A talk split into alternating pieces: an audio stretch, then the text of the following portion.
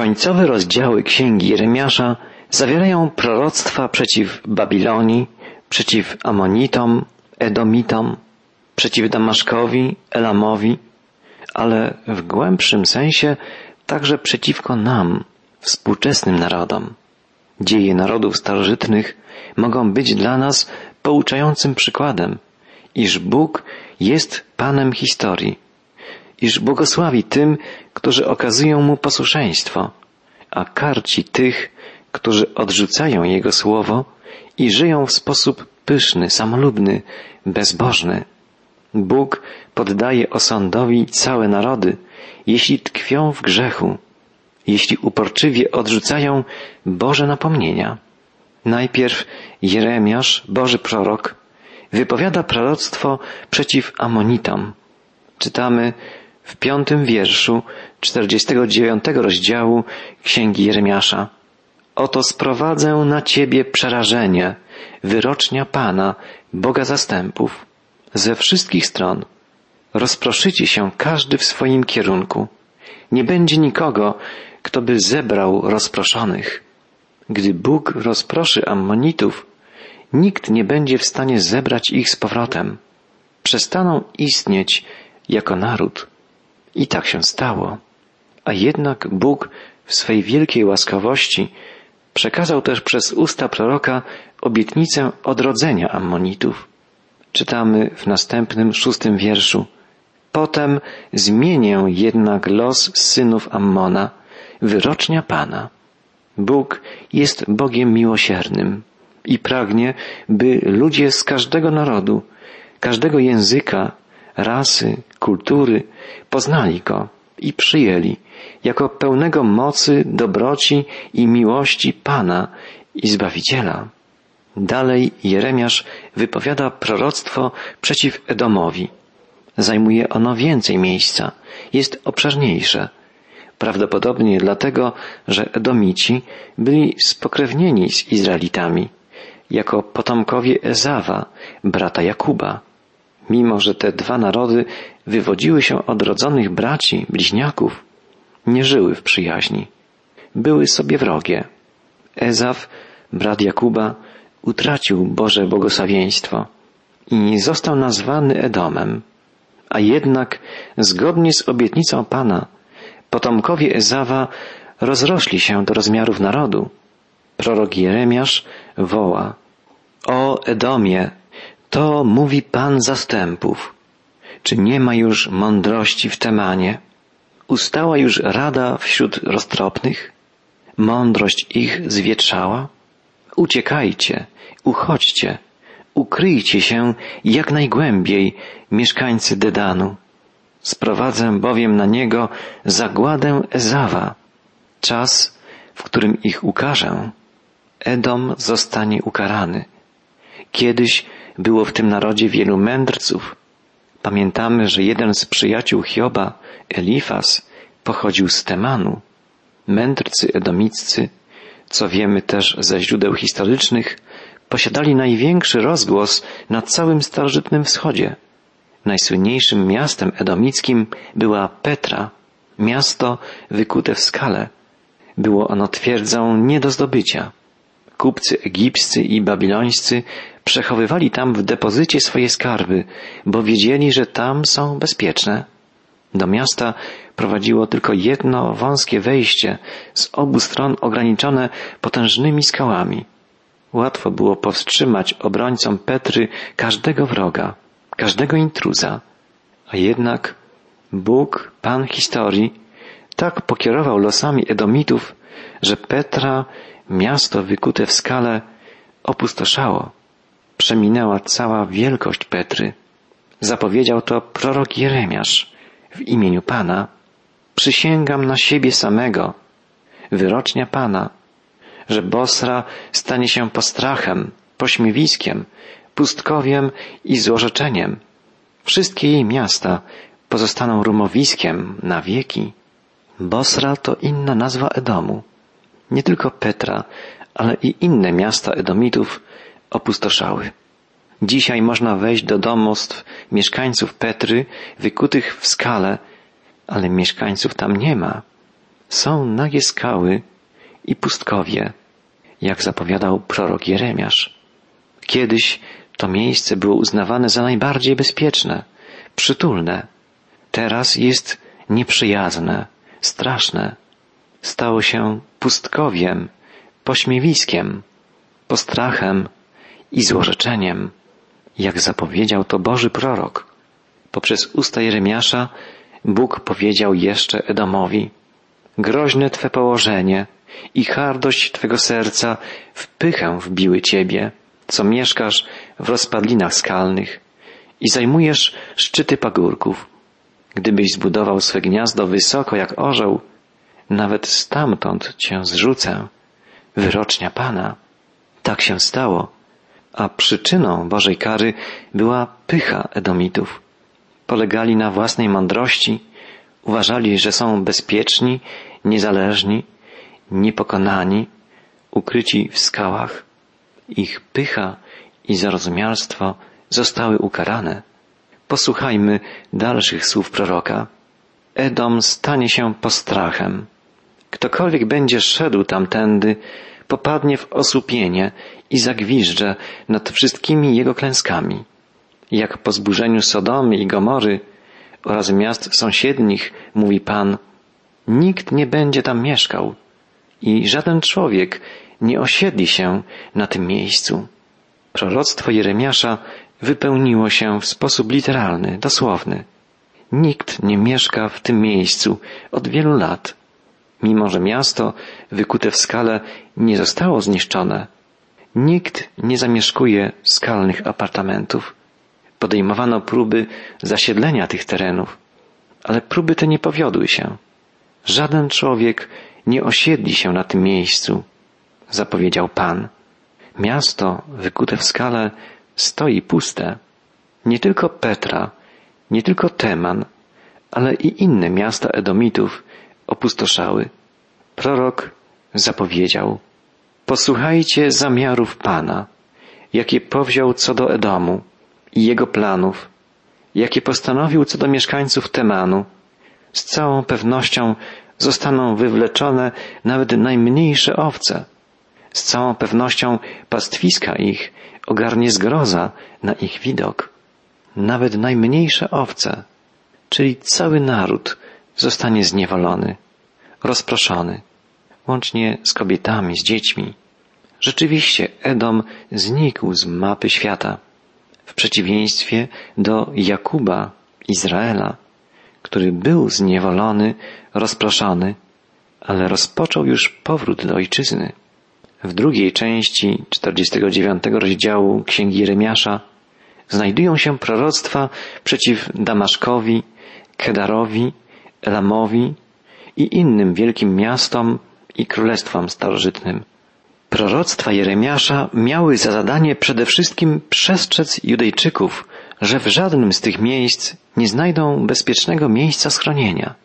Wszędzie dotrą wojska Nabuchodonozora, który stanie się narzędziem w ręku Pana, dokonującym sądu nad narodami. W końcu także Babilon upadnie, przeminie potęga Nabuchodonozora. Skończy się okres chwały Chaldejczyków. Czytamy o tym w następnym, pięćdziesiątym rozdziale Księgi Jeremiasza. Słowo, jakie powiedział Pan o Babilonie, o ziemi chaldejskiej, za pośrednictwem Jeremiasza, proroka. Ogłoście wśród narodów i obwieszczajcie. Wznieście znak i głoście. Bez osłonek mówcie. Babilon zdobyty. Bel pohańbiony. Merodak rozbity. Bóstwa ich są okryte hańbą. Pokruszone zostały ich bałwany. W tamtym czasie wydawało się, że to raczej Izrael zniknie na zawsze z mapy świata. Babilon był u szczytu potęgi. Nabuchodonozor podbijał kolejne miasta i królestwa, a jednak to Babilon upadnie, a Izrael przetrwa. Prorok woła, w owych dniach i w owym czasie wyrocznia Pana przyjdą synowie Izraela wraz z synami Judy, będą szli nieustannie z płaczem, szukając Pana, swego Boga. będą się pytać o Syjon, zwrócą się na drogę ku niemu. Chodźcie, połączmy się z Panem wiecznym przymierzem, które nie ulegnie zapomnieniu. Wizja Jeremiasza sięga aż w czasy mesjańskie. Izrael odrodzi się i połączy wiecznym przymierzem z Panem, Stwórcą i Zbawicielem. Babilon zaś upadnie, dlatego że czcił nieprawdziwych bożków. Bela, Merodaka, bóstwa nieprawdziwe, nie mogące zapewnić bezpieczeństwa i pomyślności nikomu. Z powodu bałwochwalstwa, braku duchowego poznania i pychy, Babilon całkowicie upadnie. Natomiast Izrael, związany przymierzem z żywym Bogiem, przetrwa. Zbłąkaną owcą był Izrael. Lwy polowały na nią. Jako pierwszy pożerał go król asyryjski. Teraz zaś, jako ostatni, Nabuchodonozor, król babiloński, połamał mu kości. Dlatego to mówi Pan zastępów, Bóg Izraela. Oto ukażę króla babilońskiego i jego kraj, tak jak ukarałem króla asyryjskiego. Najpierw król Asyrii, a potem Babilonu wzięli w niewolę kolejno północne i południowe plemiona izraelskie. Izrael i Juda zostały zrujnowane, a jednak ostatecznie to Asyria i Babilon legną w gruzach, a Izrael i Juda odrodzą się.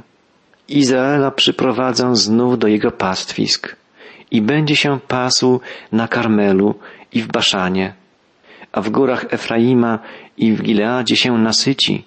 W owych dniach i w owym czasie wyrocznia Pana będą szukać winy Izraela, lecz jej nie będzie. Grzechu Judy, ale go nie znajdą. Przebaczę bowiem tym, których zachowam przy życiu. Tak stanie się w czasach mesjańskich. Upadek Babilonu porównywany jest w końcowej części 50 rozdziału Księgi Jeremiasza do zniszczenia Sodomy i Gomory. Czytamy, począwszy od wiersza 35. Miecz na Chaldejczyków, wyrocznia Pana, na mieszkańców Babilonu, na jego przywódców oraz na jego mędrców. Miecz na jego wróżbitów, by ogarnęło ich szaleństwo. Miecz na jego wojowników, by ogarnął ich popłoch. Miecz na jego konie i na jego rydwany i na całą mieszaninę narodów, która się w nim znajduje. Miecz na jego skarby, by zostały zagrabione. Miecz na jego wody, by wyschły. Jest to bowiem kraj bożków. Pysznią się swymi straszydłami. Dlatego zamieszkają tam zwierzęta stepowe i szakale. Obiorą sobie siedzibę strusie. Nie będzie on nigdy więcej zamieszkały. Ani nikt tam nie osiądzie na wieki wieków. Tak jak wtedy, gdy Bóg zburzył Sodomę i Gomorę i sąsiednie miasta, wyrocznia Pana, tak też nikt w nim nie będzie mieszkał, ani się nie osiedli w nim żaden człowiek. Również to proroctwo Jeremiasza wypełniło się całkowicie. Potwierdzi to każdy turysta przechodzący obok ruin starożytnego Babilonu. Kolejny rozdział, 51, kontynuuje opowieść o zagładzie Babilonu. Prorok woła, uciekajcie ze środka Babilonu. Każdy niech ratuje swe życie. Nie gincie z powodu jego grzechu. Nastał bowiem czas odwetu Pana. Daje on mu zapłatę za to, co uczynił. Babilon był w ręku Pana złotym kielichem, upajającym całą ziemię. Jego wino piły wszystkie narody, dlatego w szał popadły. Niespodziewanie upadł i załamał się Babilon. Podnieście nad nim lament, weźcie balsam na jego ranę. Babilon rzeczywiście upadł nagle, niespodziewanie. Wojska Medopersów pojawiły się w środku miasta i dokonały rzezi mieszkańców potężnej i bezpiecznej, jak się wydawało, twierdzy. Stało się tak dlatego, że wojska wroga posłużyły się niezwykłym fortelem. Medowie skierowali bieg Eufratu, wielkiej rzeki przepływającej przez środek Babilonu, w inną stronę i po wysuszonym dnie wkroczyli pod murami obronnymi wprost na ulicę miasta. Proroctwo Jeremiasza wypełniło się w sposób dosłowny. Podobnie jak i ta zapowiedź. Drży ziemia i dygoce, bo wypełniły się plany Pana na Babilonie, by obrócić ziemię babilońską w niezamieszkałe pustkowie. Miejsce, w którym leżał starożytny Babilon, jest dziś pustkowiem. Miejsce to wygląda tak, jak zapowiadał Jeremiasz, kiedy wołał Babilon stanie się polem gruzów, siedliskiem szakali, przedmiotem zgrozy i drwin, pozbawionym mieszkańców. Starożytny Babilon nigdy nie zostanie odbudowany.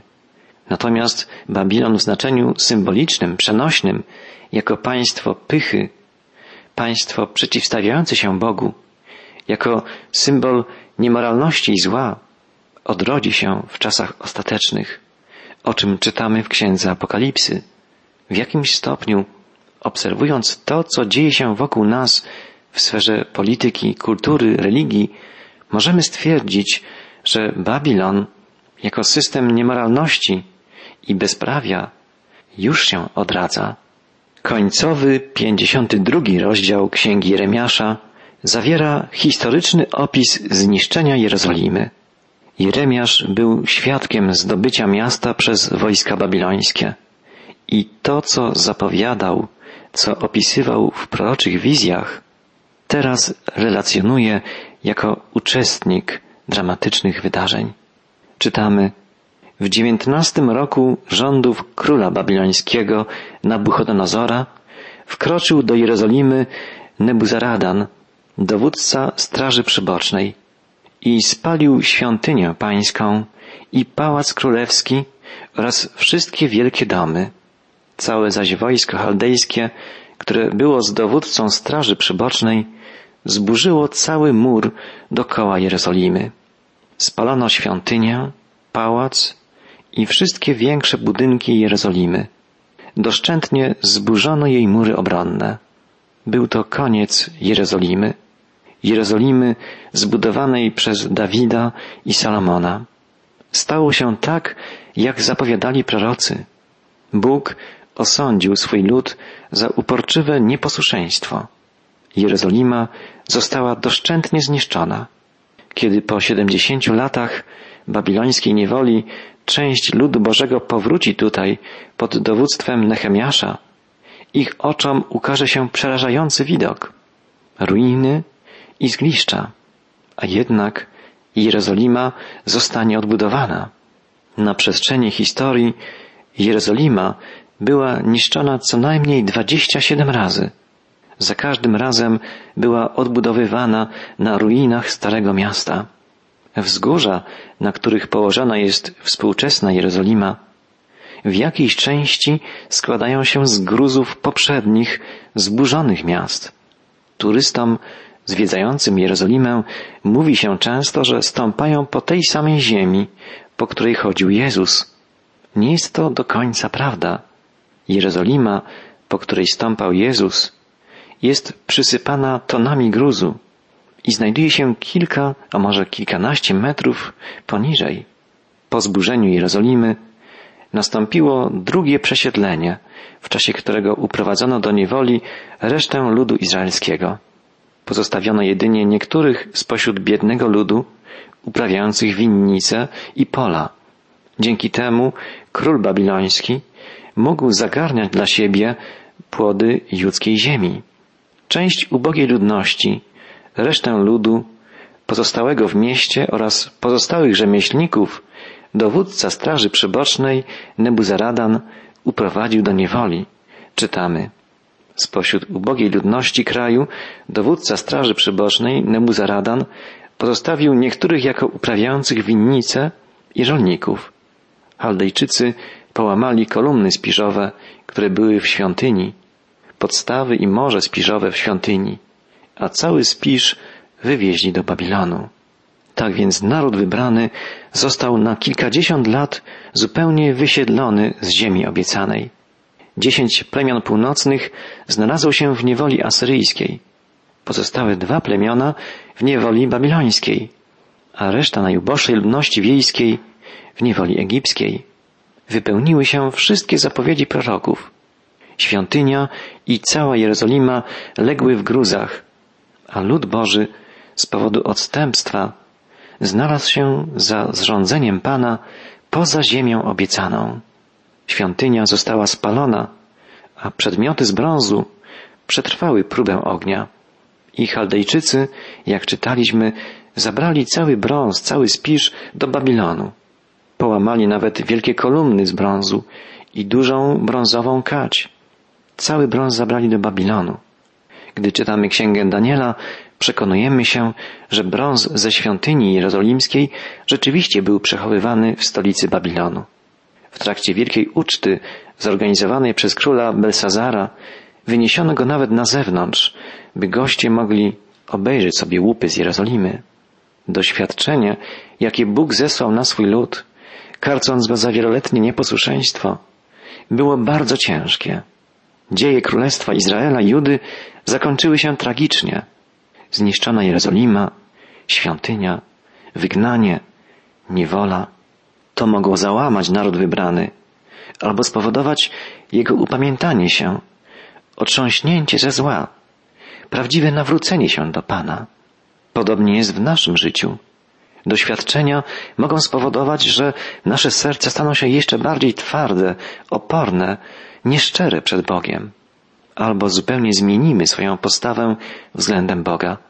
Otworzymy przed Nim swoje serca i pozwolimy, by Duch Boży je zmiękczył, przekształcił, oby nasze serca były miękkie, mięsiste, jak mówi Pan przez proroka Jeremiasza. Otwórzmy serca dla Boga. Bądźmy szczerzy przed Panem, a On nas przemieni.